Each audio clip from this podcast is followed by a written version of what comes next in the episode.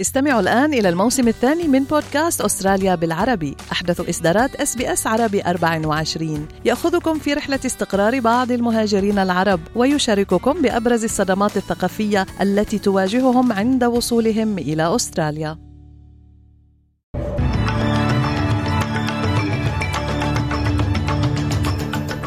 عناوين النشرة.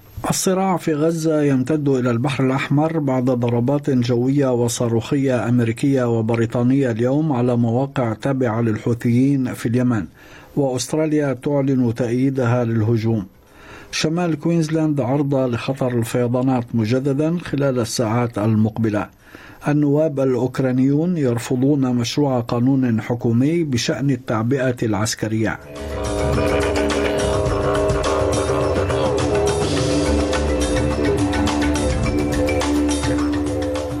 هاشم الحداد يحييكم وإليكم التفاصيل. في تطور من شأنه توسيع الصراع في الشرق الأوسط وفتحه على كافة الاحتمالات وبعد 24 ساعة من صدور قرار مجلس الأمن الدولي المطالب بوقف فوري لهجمات الحوثيين على السفن في البحر الأحمر شنت سفن وطائرات حربية وغواصات أمريكية وبريطانية فجر اليوم سلسلة غارات على أهداف لجماعة أنصار الله في العاصمة اليمنية صنعاء ومطار وميناء الحديدة وصعدة وذمار. وقال مصدر في وزارة الدفاع الأمريكية أن المواقع الحوثية العشر التي استهدفت هي مخازن أسلحة ومصانع لإنتاج الطائرات المسيرة. وكان زعيم حركة أنصار الله عبد الملك الحوثي أكد أمس أن الرد على أي هجوم أمريكي لن يكون فقط بمستوى العملية التي نفذت أخيرا عندما شن الحوثيون هجوما بأكثر من عشرين طائرة مسيرة وصاروخا على سفينة أمريكية في البحر الأحمر قالوا أنها كانت تقدم الدعم لإسرائيل. وأضاف عبد الملك الحوثي في خطاب متلفز أن أي اعتداء أمريكي على اليمن لن يكون أبدا من دون رد لن نتردد إن شاء الله We will not hesitate to do everything we can, and any American aggression will never go unanswered.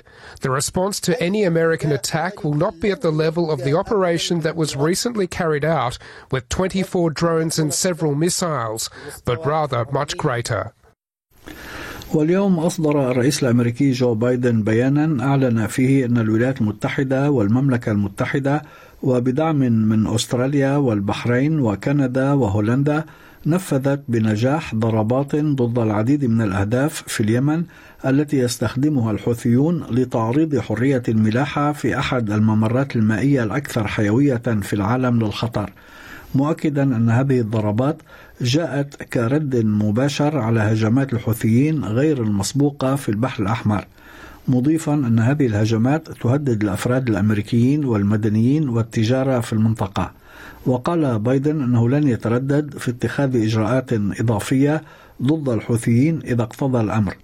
وفي تعليق له على هذه الأحداث أوضح وزير الدفاع ريتشارد مارز أن عناصر من الجيش الأسترالي شاركت في العملية العسكرية ضد الحوثيين في مركز قيادة عمليات التحالف الدولي مؤكدا دعم أستراليا للعملية العسكرية الرامية لتأمين حرية الملاحة في البحر الأحمر Australia's support of these actions came in the form of personnel in the operational headquarters. These are very important actions.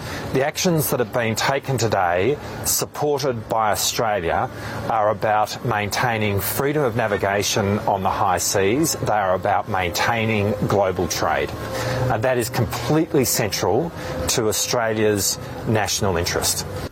اتهمت جنوب افريقيا امس اسرائيل امام محكمه العدل الدوليه بانتهاك اتفاقيه منع جريمه الاباده الجماعيه معتبرة أن الهجوم الذي شنته حركة حماس في السابع من تشرين الأول أكتوبر الماضي لا يمكن أن يبرر ما ترتكبه إسرائيل في قطاع غزة.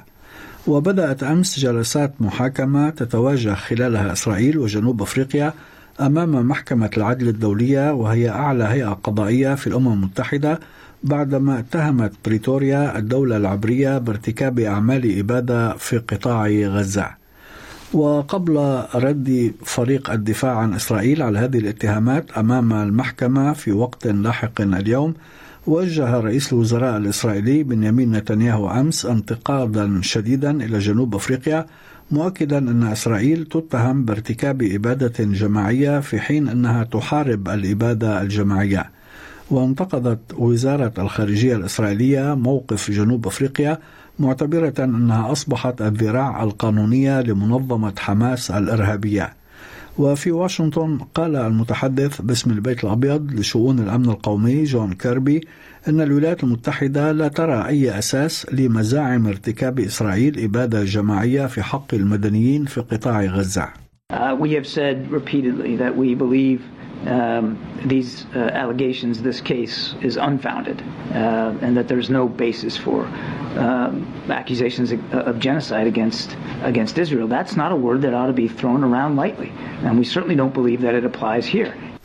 على خط آخر أدانت شبكة الجزيرة الإعلامية أمس اتهام الجيش الإسرائيلي للصحفي حمزة الدحدوح بأنه كان ينتمي إلى تنظيم إرهابي بعد قتله في غارة جوية على غزة الأحد الماضي.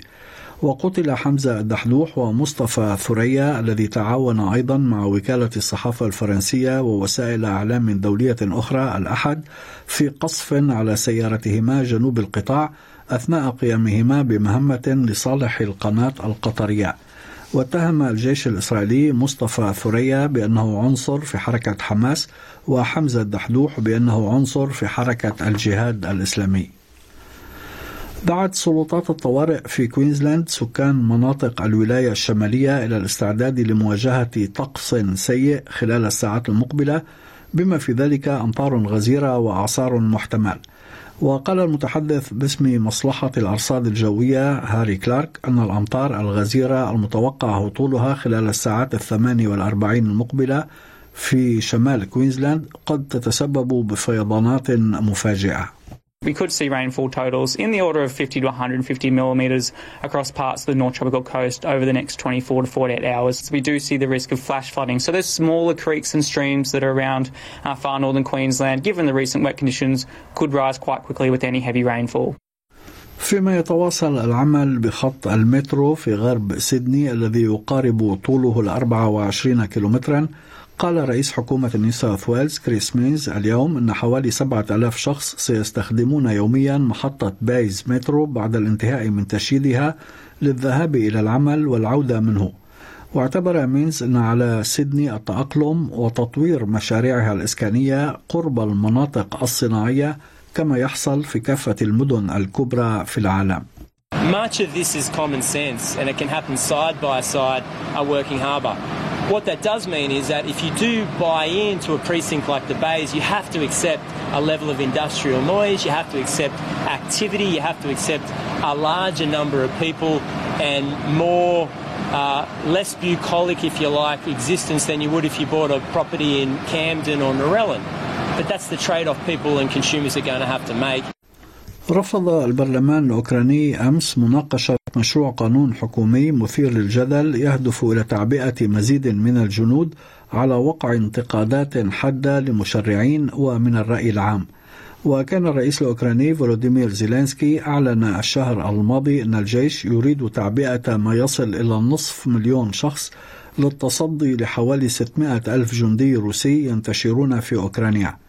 ويشدد مشروع القانون الذي طرحته الحكومة الشهر الماضي العقوبات على الفارين من الخدمة العسكرية ويخفض سن التجنيد من 27 إلى 25 عاما. وخلال مؤتمر صحفي في أستونيا أمس أقر زيلينسكي بأن الأوكرانيين ممن هم في سن الخدمة العسكرية غادروا البلاد بطريقة غير قانونية للهروب من التجنيد. وتحاول أوكرانيا التي يبلغ عدد جنودها حوالي 850 ألف عسكري تعزيز هذا العدد مع تكثيف موسكو الضغط والانتشار على الخطوط الأمامية. ورغم أن كييف لا تكشف عن خسائرها البشرية ولكن بعد حوالي عامين من حرب الخنادق وهجوم مضاد متعثر تشير تقديرات مستقلة إلى أن الرقم يصل إلى عشرات الآلاف على الأقل. في أخبار الرياضة بلغ برشلونة حامل اللقب المباراة النهائية لمسابقة الكأس السوبر الإسبانية لكرة القدم بفوزه على أوساسونا بهدفين نظيفين أمس على ملعب الأول بارك في العاصمة السعودية الرياض وضرب موعدا مع ريال مدريد في الكلاسيكو. وسجل هدفي برشلونة روبرت ليفاندوفسكي في الدقيقة التاسعة والخمسين والبديل المغربي الأصل لمين جمال في الدقيقة الثالثة والتسعين. وسيكون الكلاسيكو بين الخصمين اللدودين الأحد المقبل إعادة لنهائي العام الماضي الذي انتهى بفوز برشلونة على ريال بثلاثة أهداف لهدف. في أسعار العملات وصل سعر صرف الدولار الأسترالي في تداول اليوم إلى 67 سنتا أمريكيا. حالة الطقس المتوقعة غدا في أديلايد مشمس 32 درجة بريسبن ممطر 30 هوبارت غائم جزئيا 21 داروين ممطر وعاصفة محتملة 31 بيرث مشمس 41 درجة ملبون غائم 23 سيدني مشمس 30 وأخيرا في العاصمة الفيدرالية كامبرا ممطر وعاصفة محتملة 30 درجة. كانت هذه نشرة الأخبار المفصلة أعدها وقدمها لكم هاشم الحداد. شكرا لحسن استماعكم.